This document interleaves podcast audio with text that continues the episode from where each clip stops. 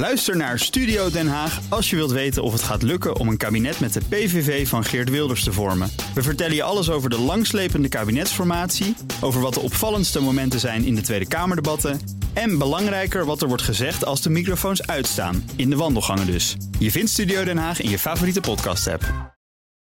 Blijf scherp. BNR Nieuwsradio. The Big Five. Paul van Liemt.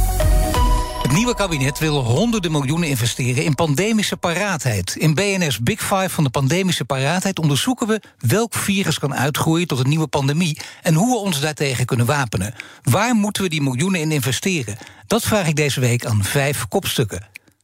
Al twee jaar bedreigt de uitbraak van het coronavirus de ondernemerswereld en de toekomst van Nederlandse ondernemers.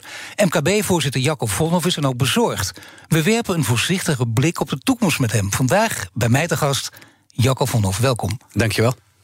Voordat ik het met u ga hebben over de afgelopen twee ondernemersjaren, eerst twee dingen. Dat doen we altijd in het begin eventjes, twee korte dingetjes. Het kabinet is een maand geleden geïnstalleerd. Is er al een eerste kennismaking geweest met het hele kabinet? Ja, zeker. Ik, uh, ik ben nog druk bezig. Uh, net een bezoek gebracht aan uh, minister Schouten. En ja, dat is prettig.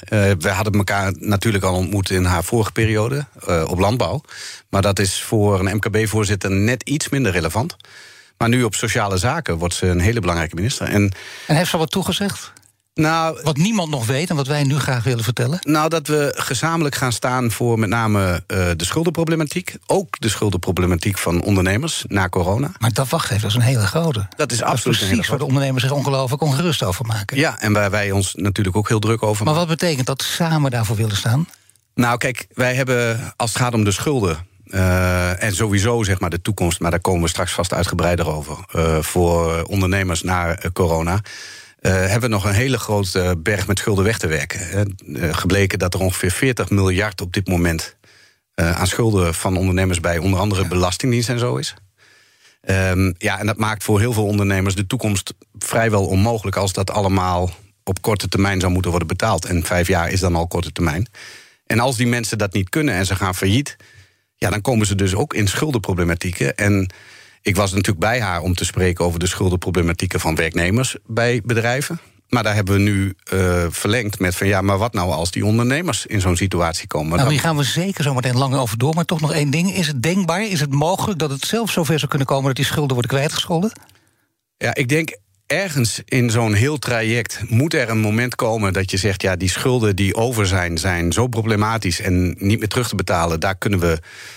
Uh, ja, daar, daar, zou je afscheid van moeten kunnen nemen. Uh, maar dat moet denk ik wel een zorgvuldig proces zijn om te voorkomen dat die ondernemers die bijvoorbeeld uh, hun eigen vermogen hebben gebruikt om hun bedrijf overeind te houden en geen belastingsschulden hebben gemaakt, dat die niet op achterstand komen. Dus het is ook wel wederom een hele lastige uh, afweging. Maar net als bij bijvoorbeeld de studiefinanciering zeggen wij: neem nou heel veel tijd om terug te betalen.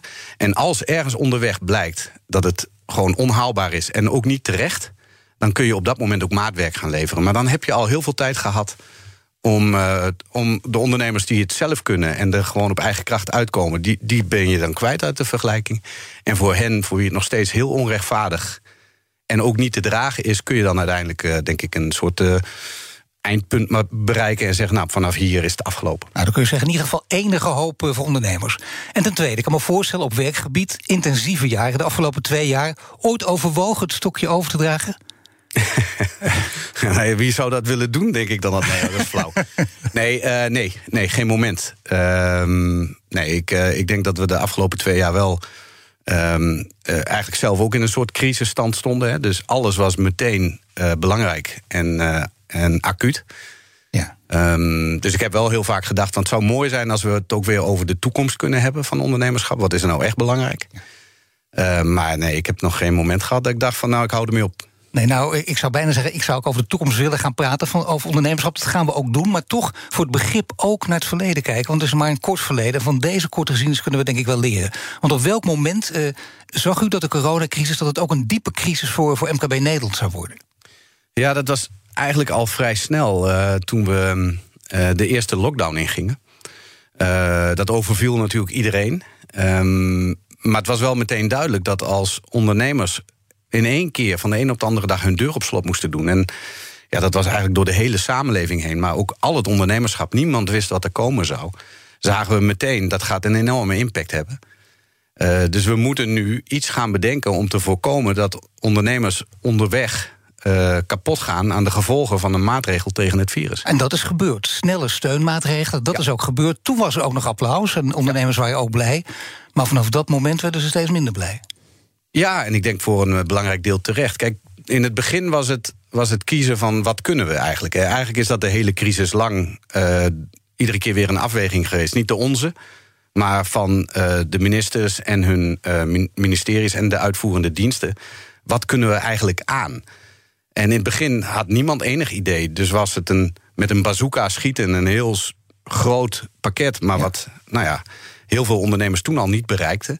Daar hebben we in de tijd hebben we dat wat fijnmaziger kunnen maken. We hebben dingen aangepast. We kregen geluiden van ondernemers die zeiden: joh, ik word getroffen, maar ik krijg geen hulp.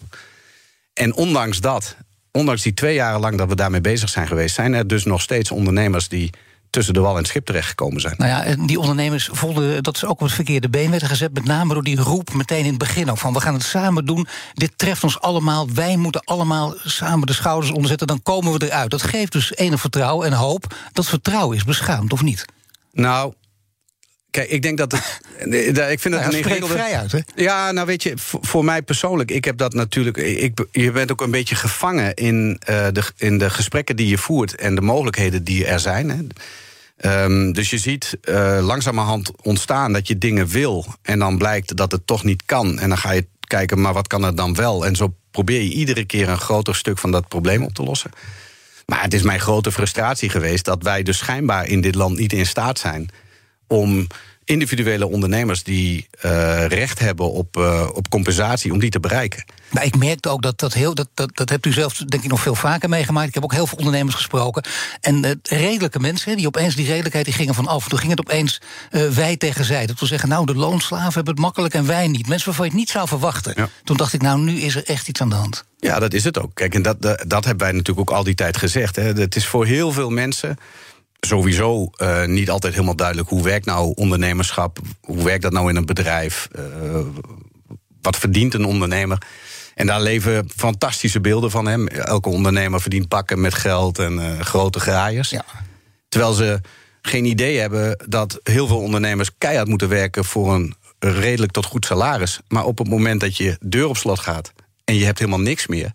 Bijvoorbeeld het salaris van de ondernemer is geen enkele keer gecompenseerd. Ja, dat heb je niet door als jij gewoon door je werkgever naar huis wordt gestuurd. Ook al is er geen werk. Maar dat is ook niet leuk als er, als er mooie tijden wordt geroepen. Het MKB is de motor van de economie. dat soort prachtige zinnetjes. En iedereen begint te glimlachen. Oh, wat zijn we er blij mee. Iedereen wil een goede sier mee maken. Maar in crisistijden gaat het dan wat minder. En dan komt die mooie zin er niet uit. Althans, het wordt niet helemaal waargemaakt. Nee, in, in delen is dat echt niet gelukt. Ik moet daarbij wel aantekenen, en, en gelukkig maar... dat ook hele grote delen van de economie, ondanks de beperkingen... en toen we eenmaal weer wat gewend waren aan de nieuwe situatie, prima hebben doorgedraaid. Dus het probleem heeft zich ook vooral gemanifesteerd bij nou ja, de inmiddels heel bekende branches die vaak eh, op binnenlandse bestedingen zitten, zoals horeca, retail, maar ook de reisbranche, evenementen, cultuur, veel ZZP'ers. Ja. Uh, maar daarnaast ja, ging natuurlijk ook heel veel economie gewoon door. Um, en voor een belangrijk deel ook, denk ik, uh, dankzij uh, alle maatregelen om ze te ondersteunen. Maar voor een belangrijk deel ook omdat ze gewoon veel minder last hadden van de impact van corona dan anderen. Nou, laat ik die ZZP'ers even uitpakken. Ik heb een, eh, of uitpikken. Ik heb een, een, tekst voor mij met een paar getallen daarin. In 2020 hebben gemeenten aan 501.000 mensen die TOZO-uitkering gegeven. De tijdelijke overbruggingsregeling zelfstandige ondernemers. Allemaal voor levensonderhoud verstrekt als ondersteuning tijdens de coronacrisis. Dat betekende meer druk op de uitvoerende instanties om die regelingen goed uit te keren. Dus het leek er goed uit te zien, maar hebben die uitkeringsinstanties dat ook goed kunnen waarmaken? Um, nou, ze hebben het gedaan naar, denk ik, uh, beste eer en geweten, maar nee. Want er was namelijk er, was geen mogelijkheid om te beoordelen of iemand in een situatie zat die eigenlijk buiten de bestaande kaders uh, viel. Ik, ik, ik, neem bijvoorbeeld, uh, vind ik, een deel van het probleem wat ik nooit heb kunnen oplossen: kleine reisbureaus. Je hebt heel veel reisagenten ja. die hun bedrijf aan huis hebben. Wel vaak één of twee mensen aan het werk, maar één voordeur. Dus je huis en je bedrijf hebben dezelfde voordeur. Door die samenloop van omstandigheden vielen zij niet in een of andere categorie en konden wij hen gewoon, wij, maar was het niet mogelijk om die mensen te steunen. Die hebben tot op de dag van vandaag geen steun ontvangen. Maar alle reizen naar het buitenland werden gecanceld. Mensen die op reis gingen moesten hun geld terugkrijgen. Geld dat in het buitenland was, kwam niet terug. Hè, want je zult maar een eh, reis hebben geboekt naar Zuid-Afrika. Ja, die, dat geld van het hotel komt nooit meer terug. Maar het is gewoon niet gelukt. En alleen maar omdat we op een of andere manier niet konden uh, uh, afvinken dat, dat dat ondernemerschap op dezelfde plek zat als de woning.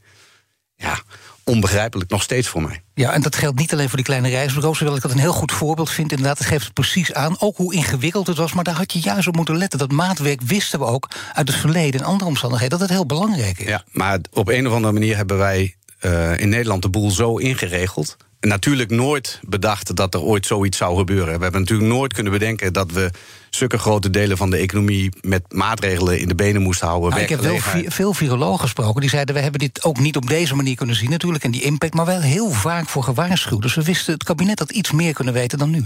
Nou, ik denk dat dat geldt voor de, voor de hele samenleving. Hè. We hebben natuurlijk, wij, wij hebben ons nooit bedacht dat zoiets zou kunnen gebeuren. Dus we hebben daar ook geen scenario's voor gebouwd. We hebben ook nooit getest of onze systemen zoiets zouden aankunnen.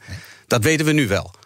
Dus dat is natuurlijk ook meteen een oproep naar de toekomst. Als je nu weet dat dit misschien een keer weer gebeurt, met deze pandemie misschien nog een keer volgende winter. Maar als het deze pandemie niet is, zou er niet nog een keer een, eh, een virus kunnen ontsnappen? Ja, hoe gaan we het dan doen? Dus er ligt wel degelijk nu een opdracht om te kijken van hebben wij al onze systemen, hoe goed ze ook zijn, maar zijn die wel in staat om in een volgende keer uh, met de lessen van vandaag wel klaar te zijn? Nou, dat is volgens mij nog een enorme opgave. BNR Nieuwsradio. The Big Five. Paul van Liemt. Mijn gast is MKB-voorzitter Jacco Vonhof. De Nationale Ombudsman opende op 1 maart 2021 een meldpunt als start van zijn onderzoek naar knelpunten die ZZP'ers ondervonden bij de toegang tot schuldhulpverlening. Nou, veel ZZP'ers, andere kleine ondernemers grepen dat meldpunt aan, een signaal afgeven over de coronasteunmaatregelen. En dan komt die. Die periode kun je misschien markeren als de tijd waarin veel ondernemers langzaam in de problemen kwamen. En ik pik er dan uit uh, met name horeca en retail. En natuurlijk evenementenbranche, andere organisaties, maar die twee vooral. Mode en schoenen, daar ging het heel erg slecht mee. Ja. Kun je dat zo markeren op dat moment? Nou ja, kijk, um, er, wa er, was natuurlijk al een beweging aan de gang. Uh, dat was niet een, uh, daar zat niet heel veel urgentie op, maar veel uh, ondernemers, bijvoorbeeld in de winkelstraat, bijvoorbeeld met een schoenenzaak, zagen dat grote modeketens ook schoenen begonnen te verkopen. Dat online schoenenverkoop ja. toenam. Dat iedereen op sneakers ging lopen en niet meer op mooie maatschoenen. Ja. Uh, dus ik denk dat heel veel ondernemers. Kijk eventjes. Ja, mooie, ah, mooie maatschappij. Ja, ja, goed zo. Ja, ja, maar dat veel um, van die ondernemers natuurlijk al wel aan het nadenken waren over... nou, waar gaat het naartoe voor mij? Maar zich ook realiseerden, ik heb nog een aantal jaar... misschien wel een aantal jaar om na te denken over stoppen... of een andere business case bedenken. En toen kwam corona en ging de voordeur op slot. En verloren ze natuurlijk bijna alles aan online. Want ja, die waren gewoon open. Je kon gewoon naar Alibaba en naar die andere rovers.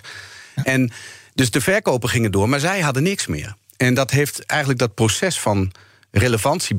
Kan ik met mijn bedrijf eigenlijk nog wel bestaan uh, in, in de oude manier?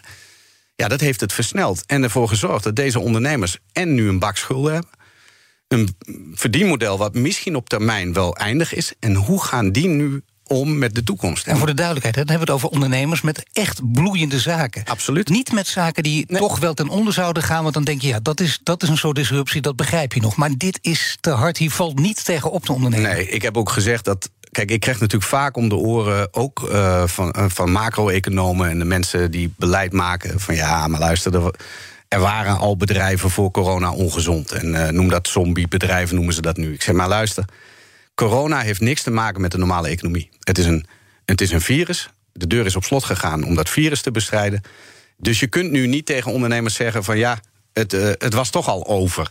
Deze bedrijven waren over het algemeen inderdaad financieel gewoon gezond. Hadden. Daarom is het best lastig ook toch dat uh, topmensen bij de Nederlandse banken, verschillende topmensen in de directie, daar gezegd hebben, al heel snel tijdens corona. Nou ja, goed, als het minder gaat, dan ga je toch omscholen. En dat, dat heeft heel veel ondernemers geraakt. Ja, en terecht. Want die hebben natuurlijk iets, dat is je levensdoel. Daar, daar vecht je voor, dat wil je niet weggooien. Het is vaak een, eh, eh, het kan familiebedrijf zijn, het kan je eigen droom zijn. En ondernemers zijn, ehm, zijn eh, in staat om te veranderen. Maar niet onder deze omstandigheden. En zeker niet als het beleid wat daarmee gepaard gaat ook nog eens een keer. Nou ja, wij hebben het jojo-beleid genoemd. Hè? Dicht, open, beetje dicht. Nou, helemaal een hele terechte be- betiteling, denk ik ook. En voor een ondernemer, om dan tegen een ondernemer te zeggen: ja, dan had je je maar moeten aanpassen. Of je zou nu inmiddels wel zover moeten zijn dat je je hebt aangepast. Ja, dank je de koekoek. Hoe pas je je aan als je voordeur dicht is? U bent zelf natuurlijk ook ondernemer, dat is heel belangrijk. Hè. Dat vinden mensen ook, dat hoort ook, denk ik. Hè. Als je MKB-voorzitter bent, dat mensen ook weten... dat is een man die zelf ook met zijn poot in de modder staat. Begonnen ooit eh, als glazenwasser, dat is een geweldig verhaal. Natuurlijk een mansbedrijfje na het grote glazen, eh, glazen eh, schoonmakersbedrijf eh, begonnen. Maar hebt u zelf eh, last gehad ook van de crisis, financieel? Ja. Nou ja, in het begin zeker.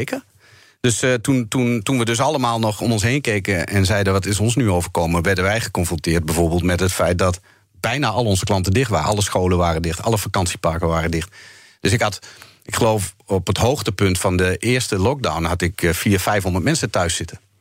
Ja, en die moest ik wel betalen. Dus we- natuurlijk hebben wij ook gezegd: van nou, dan moeten we die steun aanvragen. Ja. Achteraf gezien hebben wij het geluk gehad dat we door snel te schakelen en omdat we een bepaalde omvang hadden, hebben we heel veel goed kunnen maken en het jaar goed afgemaakt. Dus we hebben de steun ook netjes terug kunnen betalen.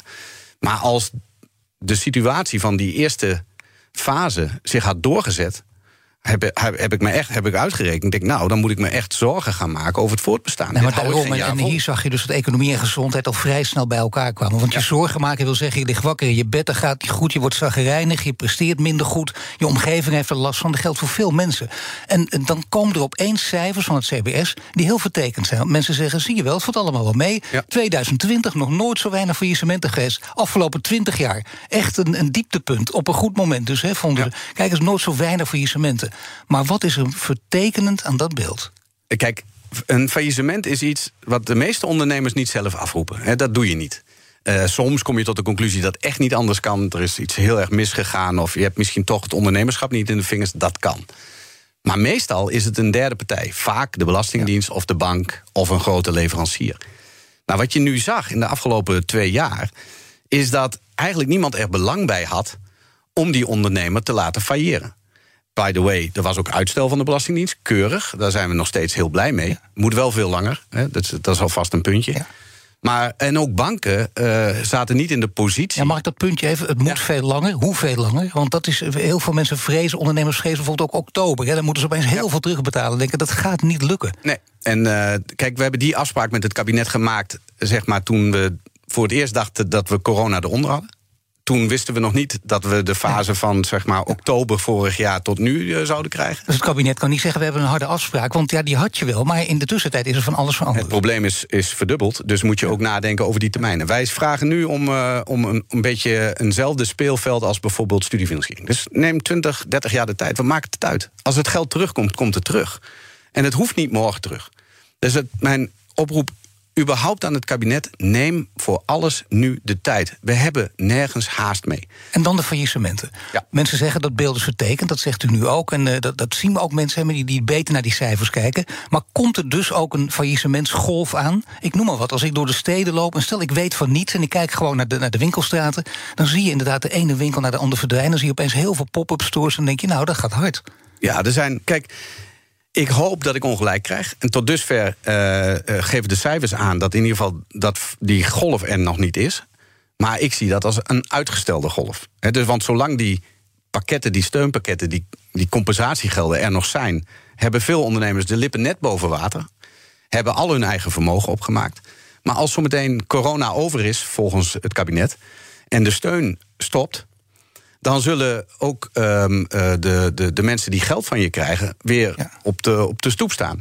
Dat zal het moment zijn dat ondernemers tot de conclusie komen: ik ga dit niet redden. Dan zullen ze failliet gaan of willen stoppen. Maar weet je, als stoppen of failliet gaan geen optie is, want dat is het grote probleem. Als je nu zou willen stoppen, je moet de, je huurbaas eh, natuurlijk eh, zien af te betalen. Want ja, je hebt waarschijnlijk een huurcontract met een aantal Je jaar. hebt heel veel leveranciers. Ja, precies, waar, waar waarschijnlijk ook geld op de lat staat. Je hebt Ja. mensen in dienst Ja. waar je een transitievergoeding aan moet betalen. Je hebt nog schulden bij de Belastingdienst en bij de bank. Nou, je weet één ding zeker. Als ik dat allemaal tot een goed eind wil brengen... moet ik alles wat ik heb inleveren, inclusief mijn huis... en mijn pensioenvoorziening en het geld voor de kinderen. Ja, wat is dat nou voor een uitzicht voor een ondernemer? Dus wat doet hij? Hij doet niks. Hij blijft zo hard mogelijk doorwerken. En eigenlijk drukt hij het probleem voor zich uit. Maar hij ligt s'nachts wakker. Kan er met weinig mensen over praten. Want als je vertelt dat het niet goed met je gaat, weet je zeker dat, uh, dat het afgelopen is. Zeker. Dus veel ondernemers zitten, kijken in een heel zwart gat. En dat is dus ook ons verzoek aan de overheid. Als het nou niet nodig is om dat geld nu morgen al te gaan incasseren, of in oktober. Neem nou langer de tijd. Dan kun je zelf zorgen dat je systemen op orde komen. Kun je zelf zorgen dat je misschien al die schulden bij de overheid in één hand krijgt en daar een goede oplossing voor maken. En in de tussentijd kan die ondernemer weer beginnen met ondernemen. Zonder dat hij meteen al dat geld terug hoeft te betalen. Maar dat lijkt een heel redelijk voorstel. Maar uh, kijk, dat begrijp ik. Maar uh, het kabinet moet het ook nog gaan vinden. Degene die, die er echt over gaan. En uh, je zou kunnen zeggen, u zit natuurlijk heel goed in het lobbycircuit. Dus ja. u kunt het een beetje inschatten nu hoe dat ligt. Hebt u het idee dat ze op deze voorstellen ook in willen gaan? Nou, ik, ik denk dat er op elk ministerie heel hard wordt gewerkt en gekeken naar hoe kunnen we ons deel van het probleem oplossen. Maar wat we hier nodig hebben is samenwerking tussen vier belangrijke ministeries. Dat is economische zaken. Daar zit het RVO onder en daar komt de TVL vandaan. Dat is natuurlijk uh, sociale zaken, waar het UWV zit, waar de, um, de NOW uh, onder andere wegkomt. Financiën, Belastingdienst, waar de schulden zitten. En JNV, waar zeg maar, de juridische aspecten van bijvoorbeeld een andere manier van omgaan met faillissement of stoppen. Dat allemaal bij elkaar vraagt een oplossing met regie. Dus iemand moet daar de kaarttrekker worden. Dat is de vraag die wij op dit moment stellen aan de bewindspersonen. Eén iemand moet op kop. En we moeten een oplossing zoeken die over die vier gebieden heen. Dat is wel iemand in uw hoofd of niet die dat goed kan? Nou, ik, het kan van mij uh, de minister van Economische Zaken zijn, Mickey Adriaansen. Maar het zou, wat mij betreft, ook de minister van uh, Sociale Zaken, uh, Karim van Gennep, kunnen Ook iemand van buiten die daarboven hangt? Nou, dat is, het gaat er meer om dat je één coördinerend ministerie krijgt. Of in ieder geval één plek waar vandaan al die informatie bij elkaar komt. Nou hebben we ook uh, altijd in uh, BNS Big Five de kettingvraag. Dat wil zeggen, gasten stellen elkaar vragen via de kettingvragen. De vorige aflevering was hier socioloog Pul Dijkstra. En die had deze vraag voor u. U zit in, in het bedrijfsleven. We hebben gezien dat bepaalde bedrijven in de coronatijd echt het heel goed gedaan hebben. Ik denk aan de digitale dienstverlening, ik denk aan de bezorgdiensten.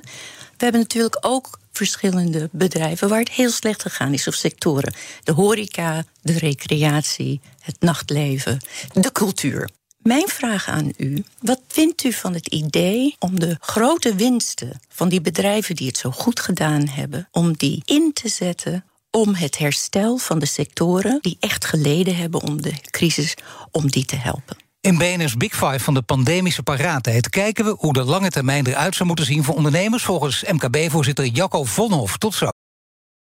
Ook Harm Edens vind je in de BNR-app. Je kunt BNR Duurzaam niet alleen live luisteren in de app, maar ook terugluisteren als podcast, zoals al onze podcasts. En naast dat de BNR-app Breaking News meldt, houden we je ook op de hoogte van het laatste zakelijke nieuws. Download nu de gratis BNR-app en blijf scherp. Blijf scherp. BNR Nieuwsradio. The Big Five. Paul van Liemt. Welkom bij het tweede halfuur. Deze week vijf kopstukken uit de wereld van de pandemische paraatheid. Eerder deze week sprak ik met microbioloog Marjolein Kikkert over de toekomst van de pandemie. Terug te luisteren via de BNR-app. De gast is MKB-voorzitter Jacco Vonhoff. Komend half uur wil ik in ieder geval nog twee onderwerpen met u bespreken. Namelijk de toekomst van ondernemen in de pandemie. en de persoonlijke impact van de coronacrisis op ondernemers. Met het laatste gaan we beginnen. Maar eerst natuurlijk even nog het antwoord op die toch tamelijk lastige vraag. Want ja, je zou zeggen dat ligt voor de hand. Bedrijven die succes hebben gehad, de grote bedrijven met veel geld, die zouden uh, een deel van het geld kunnen afstaan aan, aan de kleine bedrijven die minder succes hebben gehad. Dat lijkt heel mooi, maar is dat praktisch uitvoerbaar en te regelen? Ja, dat, dat laatste, dat, daar zit hem wederom de bottleneck. Ja, het klinkt, uh, het klinkt een beetje uh, alsof dan de overheid Robin Hood gaat spelen. Het geld bij de rijken weghaalt en aan armen geven. Op zich uh, klinkt dat ook heel solidair. En, en als we het zouden kunnen, zou het misschien ook wel wenselijk zijn. Maar ja, wie zijn de winnaars? Moet je dan een heel VPB-tarief gaan verhogen? We kunnen die bedrijven niet individueel belasten. Dan zou het bijna vrijwillig moeten. Uh, ja, het zijn bedrijven met, met aandeelhouders, die zullen dat niet grappig vinden, dus dat doen ze niet. En als je er een soort uniforme maatregel van maakt, raak je ook al die bedrijven die er eigenlijk niks mee te maken hebben. Die misschien wel goed hebben gedraaid, maar niet dankzij corona. Of bedrijven die redelijk draaien en waarvan je kunt zeggen: ja, is dat nou zo terecht dat we daar dan de belastingen gaan verhogen? Nee, het lijkt heel redelijk, maar het is gewoon het is om het, het, het- te veel haken en ogen. Het is niet te doen. Je zou wel kunnen denken, wees heel creatief en denk bijvoorbeeld... je bent een heel groot bedrijf en je hebt heel veel geld... en je denkt, weet je wat, we hebben ook een heel groot marketingbudget... en daar halen we wat uit, dat zou kunnen... maar dat moet dan wel uit zo'n bedrijf zelf komen. Ja, en dat, en dat, dat klinkt ook heel eh, eh, vriendelijk. En ik moet ook eerlijk zeggen dat eh, ook best wel een aantal grote bedrijven pogingen hebben gedaan. Maar het, het staat natuurlijk niet in verhouding tot wat de verliezers hebben verloren. en Nee, hebben grote bedrijven pogingen gedaan? Ja, ja, ja. Ik, eh, kijk, we, eh, wij- wij hebben bijvoorbeeld met een, eh, met, een, met een grote club die een internetafdeling heeft. Die zei van joh, wij gaan geld inzetten om MKB-ondernemers te helpen bij bijvoorbeeld digitalisering. Dat is, vind ik in ieder geval, een heel goede gedachte. Maar dat, dat staat in geen verhouding tot het, zeg maar, het probleem van de winnaars en de verliezers zoals de vraag eh, gesteld is. Nee, Kijk, het, wat- is, het is sympathiek, maar het kan niet. Nee, en, en kijk, ik heb wel eh, wat meer gevoel bij bijvoorbeeld dat bedrijven die wel steun hebben kunnen aanvragen, maar er achteraf, in ieder geval als het gaat om de, om de, om de winst, geen recht op zouden hebben, maar volgens de regels wel, dat je daar een stevig appel op doet en zegt: had u dan nou eh, die coronasteun wel nodig? Eh, maar ja, zelfs dat is een hele lastige. Je ziet dat de politiek daar ook mee worstelt, want je, krijgt, je kunt het juridisch niet afdwingen. Ja, en dan wordt het, blijft het aan bedrijven zelf om een afweging te maken: is dat geld nou terecht van mij? Of is het maatschappelijk niet heel erg netjes dat ik dat doe? Meer dan dat kun je niet doen. Dus dan wordt het een moreel appel en dat klinkt al bijna zielig. Maar uiteindelijk zullen we vroeg of laat natuurlijk de rekening van de crisis ook met z'n allen weer moeten betalen. Het is En- veel beter dat dus uiteindelijk toch het kabinet zelf het heft in handen neemt. Dat de regie komt over vier ministeries die erover gaan. En dat ze dan proberen ook bijvoorbeeld eh, naar de schulden te kijken en te zeggen: die kun je over 30 jaar uits- uitsmeren. lijkt dat zou het beste Kijk, zijn. als, als Griekenland het mag en we hebben IJsland op die manier gedaan. Dan denk ik dat het toch heel bijzonder zou zijn als je je eigen ondernemers dat niet toestaat. En nogmaals, hoe meer tijd, hoe groter de kans dat het geld terugkomt en ondernemers weer kunnen ondernemen. En dan gaan ze ook weer gewoon belasting betalen. Dus niet alleen wat ze nog moeten betalen. Maar ook wat ze, over wat ze nu weer gaan verdienen. Kunnen ze investeren in al die belangrijke transities. Nou, niet te vergeten, ja, daar hebben we het niet eens over gehad. Maar dat investeren, waanzinnig belangrijk. Dat is natuurlijk eh, essentieel verbonden aan ondernemen. Dat moet ook nog gebeuren. Precies, kijk, eh, we hebben natuurlijk het probleem van de schulden. Maar bijvoorbeeld bedrijven die dan wel niet schulden hebben staan bij bijvoorbeeld de Belastingdienst, maar hun vermogen hebben zien verdampen, omdat ze hun eigen vermogen hebben gebruikt om het bedrijf overeind te houden. Als die nu naar de bank gaan en zeggen: joh, er komt een energietransitie aan, ik moet al mijn productiemiddelen elektrificeren. Mag ik bij u geld lenen? Zegt de bank: ja, maar uw ratio's, hè, uw solvabiliteit, uw liquiditeit is niet op orde. Eh, nee. Nou, dan heb je dus de crisis doorstaan. En kun je niet verder omdat je niet kunt investeren. Nou, Nee, dat is een rampzalige situatie als je die krijgt. Dat kan natuurlijk niet. Maar laten we hopen dat die dan in ieder geval op alle ministeries wel bekend is, deze situatie. Eh, morgen, eh, of vandaag in de Telegraaf, geloof ik. En Ja. Morgen komt er ook eh, zeg maar wat informatie van ons... waarbij we vragen aan het kabinet die coördinatie te pakken. En zowel de schuldenberg als die vermogensproblemen... hè, dus bedrijven weer eigen vermogen geven. Dus een fonds vormen om te zorgen dat het vermogen ook weer in die bedrijven kan komen. En nadenken over de termijnen. Ja, dat zijn de drie belangrijkste routes die wij kiezen omdat nogmaals, ons wordt te verstaan gegeven dat met terugwerkende kracht heel veel niet op te lossen is. Er liggen 50 moties wel in de Kamer. Die we eigenlijk allemaal hebben voorbereid om dingen op te lossen. Die zijn allemaal aangenomen. Maar kunnen niet worden uitgevoerd. Ja. Ja, ik kan er nog 50 moties bovenop leggen, maar daar wordt niemand blij van. Dus roep ik op, laten we dan dat verleden. eh, Parkeer dat maar even. Maar zorg er dan voor dat, dat wat daar ontstaan is dat je dat aan de voorkant weer gaat oplossen naar de toekomst toe. Dus maak nou een exit-strategie op al die dingen die we net bespraken. En doe dat robuust. Want we hebben die ondernemers nodig om onze economie in de benen te houden. En robuust is heel veel geld op korte termijn, maar daar hebben we op lange termijn dan allemaal ook plezier van. Ja, kijk, wat ik al zei, hè, het grootste gedeelte van het geld komt gewoon via de economie ook weer terug. Belastingsschulden, zolang ze netjes betaald worden, ook al doe je er lang over, komen gewoon terug in de staatskas. En zorgen er ook voor dat die ondernemers op de korte termijn niet op, omvallen en dus gewoon weer economie eh, eh, gaan bedrijven. Dus die gaan weer belasting betalen, hun werknemers aannemen. Dus dat is voor iedereen goed. Dus waarom zou je nou op hele korte termijn dingen willen oplossen waar je heel veel tijd voor hebt? En dat geeft ondernemers rust. Dan kunnen ze weer nadenken, kunnen ze gaan bedenken hoe ga ik om met de toekomst. En hoeven ze niet de hele dag kom te liggen om die oude schulden terug te betalen. Dan zijn dit hele belangrijke macro-verhalen. Daar wordt stevig op ingezet, begrijpelijk ook. Zeker heel goed en belangrijk dat het MKB dat doet. Uh, maar er komen ook heel veel micro-verhalen, denk ik, tot de heer Vonhof zelf. Die hoort ze ook allemaal. Ja. Maar wat, wat zijn echt schrijnende verhalen? Want ik denk dat dat ook veel zegt. Ik bedoel, verhalen die je zelf ook veel doen. Ja, eigenlijk. Ja, weet je, elk individueel ondernemersverhaal. Want je kunt het bijna niet bedenken. Die economie dat is ons nu ook wel gebleken, denk ik, met z'n allen, is zo complex. Je kunt bijna niet bedenken uh, wat voor situaties er kunnen optreden als je, als je de maatregelen die we hebben genomen analyseert en waarom sommige ondernemers er dan toch geen recht op hebben. Ik heb ondernemers die zeiden: joh, mijn referentiejaar of mijn referentiemaanden worden gerelateerd aan een periode waarin ik aan het verbouwen was. Had ik geen omzet en daarom krijg ik nu geen steun. Ik heb ondernemers die NOW hebben aangevraagd, dus steun voor werknemers, waarbij je de afspraak maakte dat je niet uh, mensen ging ontslaan. Hè, dat was dan verboden. Maar daar liepen drie mensen gewoon met pensioen. Dus de aantallen bij de aanvraag waren hoger dan in de realiteit. En dan krijg je helemaal geen NOW. Ja, hoe bedenk je het? En zo gaat het maar door. Ik had een ondernemer uh, in het Westland uh, die een bussenbedrijf had. Al zijn gasten, namelijk de toeristen uit China, kwamen niet meer voor de, voor de keukenhof. Ja. Uh, hij had flink geïnvesteerd in een hele elektrische vloot. Dat vond hij belangrijk voor corona. Heeft nu nul klanten gehad. Dus kon zeg maar de lease van zijn bussen... of de, weet ik veel, de aflossing op zijn bussen nauwelijks betalen. Dreigt zometeen uh, onmachtig te zijn om te betalen. De kans is groot dat dan de bank zegt... weet je wat, ik verkoop jou een elektrische bussen. Je liep wel voor, ja. maar ik verkoop ze aan je concurrent... die heel laat was met investeren... maar die nog wel bestaat omdat hij nul kost had... en die had nog oude diesels... En die koopt voor een habbekrat zijn elektrische bussen.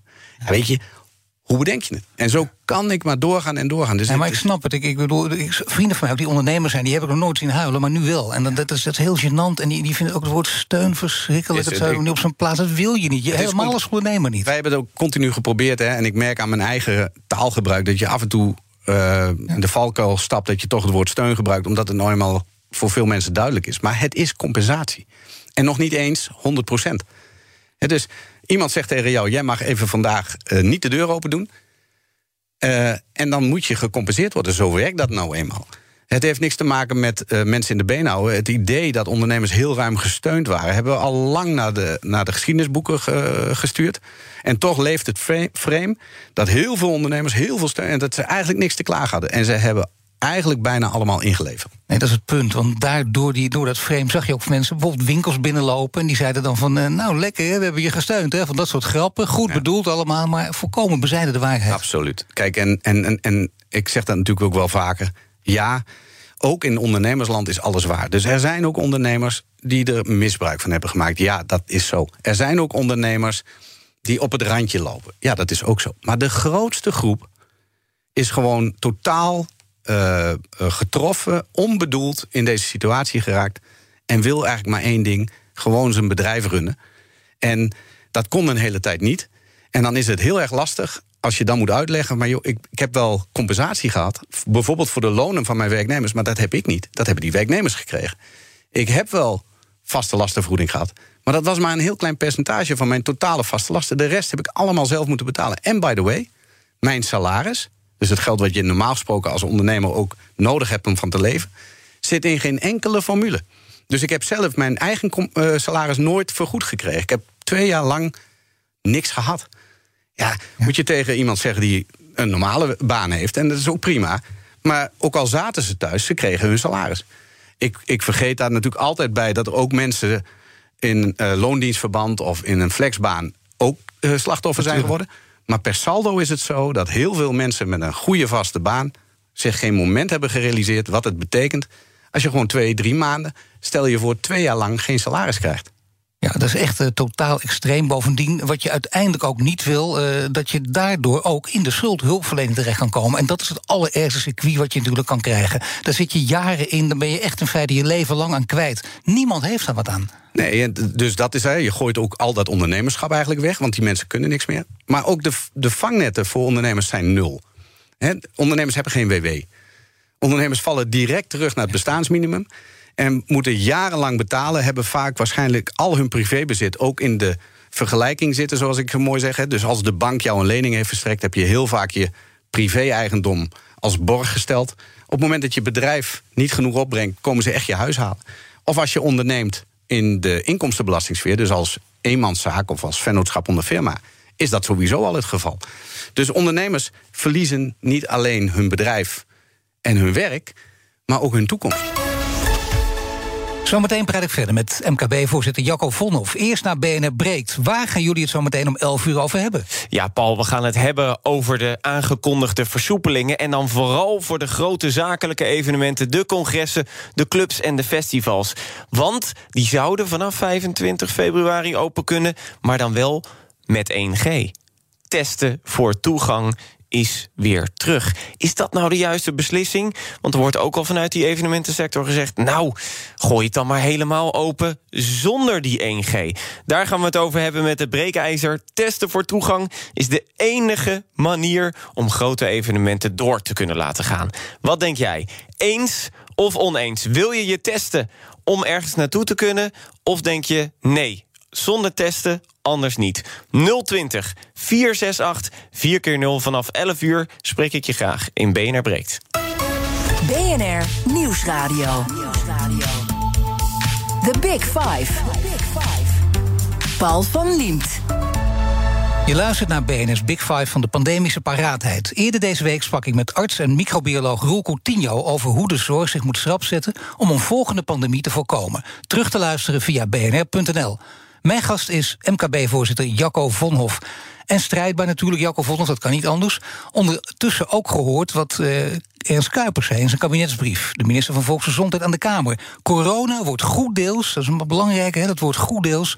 Corona wordt goed deels onderdeel van het gewone ondernemersrisico. Wat daarvan te denken? Ik zie een klein dun lachje nu wel opkomen. Ja, kijk, um, ik, ik heb uh, Ernst Kuipers uh, hoog zitten in zijn ah, Dat is een heel ernstig begin. Nee, maar ik denk dat het goed is om te zeggen dat ik, dat ik vind dat al onze bewindspersonen, ook in de vorige periode, iedereen heeft zijn stinkende best gedaan. Het is niet altijd helemaal goed gegaan, dat is waar. maar ik vind dit echt een faux pas. Op het moment dat je zegt corona wordt van pandemisch endemisch, en het zal er zijn en we zullen er last van houden, maar de economie is open. Daar ben ik ook heel blij mee. Hè, dat het uitgangspunt vanaf nu is we blijven open. Onder alle omstandigheden. Dat is mooi. Maar als je vervolgens zegt. dan komt de rekening. als er toch iets aan de hand zou zijn. bij ondernemers te liggen. dan klopt het weer niet. Want het is een probleem van de samenleving. Ja, maar daarom dat woordje goed deels. En dat maakt het weer zo ingewikkeld. Want ja, dan kun je toch alle kanten mee op. Kijk, ik denk dat. Uh, we gaan nu heel veel scenario's doen. Er zijn heel veel intelligente mensen, misschien wel veel te veel intelligente mensen op dit moment over aan het nadenken. Er komt straks een plan voor alles. En nou, het zal allemaal wel. Je gaat zometeen, uh, uh, om even in de vergelijking te blijven, de dijken verhogen hè, tegen dat virus. Je gaat veilige havens creëren, terpen, waar we met z'n allen op kunnen vluchten om in ieder geval weerstand te bieden tegen dat virus. Daar hoort bij dat de overheid zelf de hand in eigen boezem steekt en zegt: Wij zijn eigenlijk in de hele crisis altijd te laat geweest. Of het nou was bij het begin met vaccinatie, of het nou was op de testinfrastructuur, of het nu is met het aanschaffen van coronapillen, of het nu gaat over de snelheid van boosteren, of het nu gaat over de beschikbaarheid van ziekenhuisbedden. Altijd te laat. Ja. Dus de overheid heeft zelf een belangrijke opdracht om te zorgen dat dat voor elkaar is. Als dat voor elkaar is, of beter gaat, zijn we beter bestand tegen wat er komt. Ondernemers moeten nadenken over: oké, wat kun ik doen? Maar wat roept dan op dit moment het kabinet? Ja, dan moeten ze maar buffers aanleggen. Ja, welke buffers dan? Ze hebben juist schulden. Dus... Ja, en los daarvan, eh, we hebben van genoeg ondernemers gehoord... en dat weten we inmiddels ook wel, er valt niet tegen op te bufferen. Dan hebben we dus over echt al die goede ondernemers natuurlijk... want daar kun je nooit mee gaan ondernemen. Dus ik denk dat het verstandig is om in die scenario's rekening te houden... met, uh, laten we zeggen, maatregelen in meer of mindere mate... die beperkend zullen zijn, terwijl de economie wel open blijft... maar wel degelijk impact zullen hebben op dat ondernemerschap. Breng dat nou in kaart en geef ook daar een soort signaalwaardes af. Dat als er minder kan, dat er toch maatregelen zijn waar die ondernemer op terug kan vallen. Als je dat niet in de vergelijking stopt en je zegt, ja, zoek het maar uit. Dan, zul, dan zal, dat zal misschien dan ook gebeuren. En zegt iedereen, nou ja, jammer dan. Uh... Ja, maar toch is het best link. Hè? Er staat er weer zo'n alineaatje op pagina 4 in zo'n brief. Kom op, hè. dit is waanzinnig belangrijk. Hier gaat het dan eigenlijk Nou ja, daar gaat natuurlijk ook ons commentaar op die brief over. Hè? Van joh, wij zijn het er helemaal mee eens dat uh, de mindset is. Daar hebben we zelf ook om gevraagd. Open beperkingen weg, ondernemers aan het ondernemen. Daar moet nog heel veel ingehaald worden, daar hebben we het net over. Dus er moeten dingen geregeld worden om die ondernemers weer klaar te maken voor de start. Moet je je voorstellen, je bent een, je bent een restaurant of een modewinkel of whatever. En je hebt die hele crisis doorleefd. En je hebt enorme schuld of je hebt je vermogen zien verdampen. En naast jou staat een nieuw bedrijf. Ja. Die heeft corona niet meegemaakt, nul schulden. Ja, die concurreert je er natuurlijk aan alle kanten af. Ja, dat kan toch niet. Dat kan, hè? Dus ik heb heel lang gehoord, ja, zombiebedrijven overeind. houden. Nee, je maakt eigenlijk bedrijven die corona hebben doorgemaakt.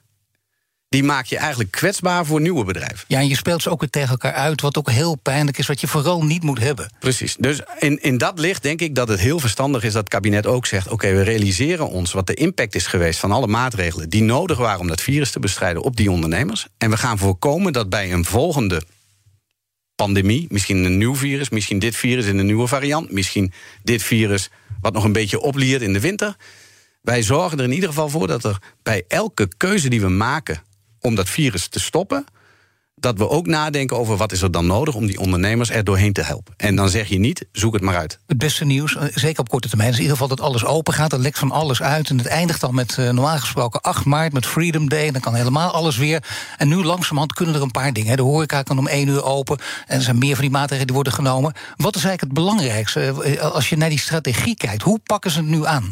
Ja, kijk, ik denk dat, dat, uh, dat het kabinet nog een beetje zit in de reflex voorzichtig. Um, maar, maar mag ik toch even de horeca tot één uur open? Ja, dat, is al meer dan voorzichtig, hè? daar gaan ze ook al. Maar toch nog niet helemaal. Nee. Ook de anderhalve meter, ja, ja, helemaal. Behalve dan als je boven de 500 mensen bij elkaar hebt. Dus dat zit er nog steeds bij. Ja. Achter de komma. Maar 8 maart, dat is dan de laatste fase, dan wordt alles vrij. Kijk, ik, ik, de, de ervaring van, uit het verleden is dat men graag de tijd neemt om iedere keer zeg maar, de laatste cijfers, de laatste uh, verhoudingsgetallen tussen het aantal besmettingen en het aantal ziekenopnames te volgen. En dat, dat geeft comfort, dat snap ik wel. Maar weet je, dit virus is los. En of we nou tot één uur open zijn of tot vier uur, of je nou wel of niet met een CTB werkt, of je nou wel of niet in de. Dat virus is onder ons en gaat zo hard dat ik me niet kan voorstellen dat er nog iets helpt. We hebben in het begin van de crisis hebben we uh, geroepen flatten the curve. Dan gingen we dus proberen om te voorkomen dat er te veel besmettingen waren. Maar ja. dat ging over aantallen. Ja, dan lachen we nu om. Nee, dat, ja. We zijn nu bezig met flatten the Rocky Mountains. Dat kan niet. Ja, nee, die dus, had ik nog niet gehoord, maar dat is inderdaad een, dus, een hele sprekende. Dus weet je, het, het is allemaal nog een beetje beeldvorming. Ja. En ik snap nogmaals vanuit zorgvuldigheid dat een kabinet echt heel veel afwegingen ja. heeft. Maar wat mij betreft, laat het nu gewoon los. We zijn er klaar voor, we zijn er klaar mee. Mensen moeten verder. Mensen willen zelf weer de regie. En natuurlijk zullen we voorzichtig moeten blijven. En natuurlijk heb je aanpassingen nodig als je handen wassen. En als je je niet lekker voelt, blijf je thuis. Maar je zult echt moeten stoppen, ook met die quarantaineregels. En misschien meer thuiswerken dan we gewend waren, maar dat kan ook gewoon voordelen bieden. Maar dat is iets heel anders. Hè. Gewoon open en los en de goede dingen die nemen we gewoon mee uh, in Precies. deze tijd. Nu is er wel nog iets. Kijk, als je naar de lange termijn kijkt, dan kan je straks misschien toch weer met een outbreak te maken krijgen. Dat weten we helemaal niet. Dan moet je wel een ander OMT hebben of niet? Een OMT. waar. Geen OMT. Nee, nee, nooit meer een OMT. Nooit meer een OMT. Nee, kijk, als er al iets is, dan zou je. Je zult een, een, natuurlijk altijd een club van mensen moeten ja. hebben die uh, in de gaten houden van wat gebeurt er om ons heen en, en welke gevolgen heeft dat en hoe gaan we daarmee om. Dat OMT is natuurlijk in het begin, daarom heet het ook Outbreak Management Team, heel smal. Daar zitten, uh, gekscherend werd het op een gegeven moment de witte jassen genoemd, maar dat zijn ja. mensen met een medische blik. We hebben al vanaf de eerste dag geroepen: waarom geen economen, waarom geen socioloog? Gedragswetenschappers. Precies. Waarom ja. geen he, bredere kijk op wat doet dit met ons? Nou, dat hebben we nu allemaal uh, uh, gehad. Ga nou niet weer een OMT in de benen houden. Bedenk een groep mensen van verschillende statuur, met verschillende competenties. Die zich voorbereiden op de mogelijkheid dat zoiets weer gebeurt, maar in een veel bredere afweging dan alleen gezondheid. Ja, dat lijkt me een heel goed idee. Maar dan zou je toch vooral niet weer moeten zeggen: we moeten een commissie instellen. Die en dan ga je erover nadenken of je dat moet doen. Die kun je toch, daar kun je toch nu al over nadenken. Dat ja, zouden kunt... als we nu in tien minuten kunnen wel tien namen bedenken. Ja, en dan hebben we al zo'n club. Ik hoop ook en ik heb, uh, ja, misschien is hoop wel uh, uh, te voorzichtig benoemd. Maar ik ga ervan uit dat men daar al lang over na heeft gedacht. En ook ideeën over heeft. U weet het al lang natuurlijk, maar mag nee, niet nee, zeggen. Nee, nee, nee, maar kijk, nee, oprecht niet. Nee. Want, want ik vind namelijk zelf nogmaals dat het OMT is klaar. Daar moet je mee stoppen. Dat is gewoon op. dat is ook veel te, veel te eenzijdig geweest de laatste tijd.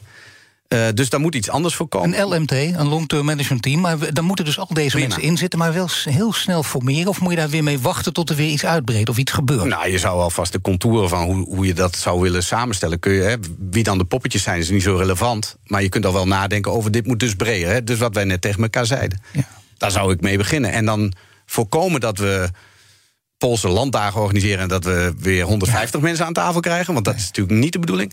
Gewoon een selecte groep mensen die de impact van een ramp, zoals bijvoorbeeld deze pandemie, op de samenleving in kaart kunnen brengen, maar wel gewogen. We hebben veel te veel aan die gezondheidskant gezeten.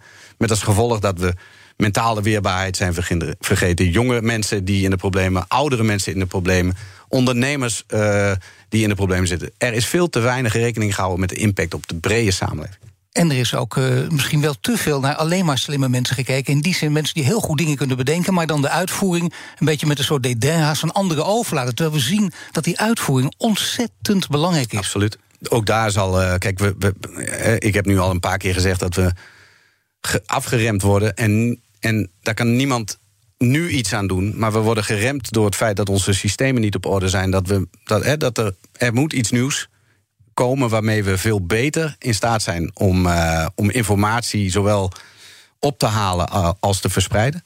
Of het nou is in de systemen van de Belastingdienst en de verschillende diensten en de communicatie daartussen. Maar ook als het gaat om de communicatie van bijvoorbeeld een kabinet naar de samenleving. Dat mag veel beter, of het moet zelfs veel beter dan tot nu toe. Nou, wat, kijk, ik denk wat er is gebeurd is, hè, we hebben, uh, er is een vorm gekozen en die is, denk ik, een tijd lang effectief geweest. Maar op een gegeven moment werd het een. Iedereen wende eraan. En er werd eigenlijk een persconferentie gehouden. Volgens mij doe je dat voor de pers, hè, voor jou. Ja. Maar dat was geen persconferentie. Het was een conferentie over de pers heen naar het volk. Nou, als je dat eenmaal in de gaten hebt, moet je daar volgens mij een andere vorm voor gaan kiezen. U mag eh, een vraag stellen, dat doen we altijd, de kettingvraag, aan de volgende gast. En de volgende gast uh, die komt in BNS Big Five van Oorlog en Vrede... met Diana Matroos volgende week. En die gast is historicus en voormalig politicus Arend Jan Boekenstein. Wat zou u aan hem willen vragen? Nou ja, um, ja, ik weet je, ik ben de afgelopen week uh, in gesprek geweest met uh, het PDB, is Platform Defensie en Bedrijfsleven. Zul je zeggen, ook dat? Ja, dat zit nou eenmaal in de taakomschrijving van een MKB-voorzitter, dat je soms ook, uh, ook, ook andere dingen doet die, die aanverwant zijn aan je MKB-voorzitterschap. En daar hebben we heel erg gesproken over. A, wat moeten we met de krijgsmacht in Nederland? Hè? We zijn blij, men is blij, we zijn blij dat er extra geld ook Liesbeth Staats vind je in de BNR-app. Ja, heel handig. Luister live naar Kees en mij tijdens de Daily Move. Dan blijf je ook gelijk op de hoogte van breaking news en het laatste zakelijke nieuws. En daar vind je ook alle BNR-podcasts, waaronder de Perestrooikast. Download nu de gratis BNR-app en blijf scherp.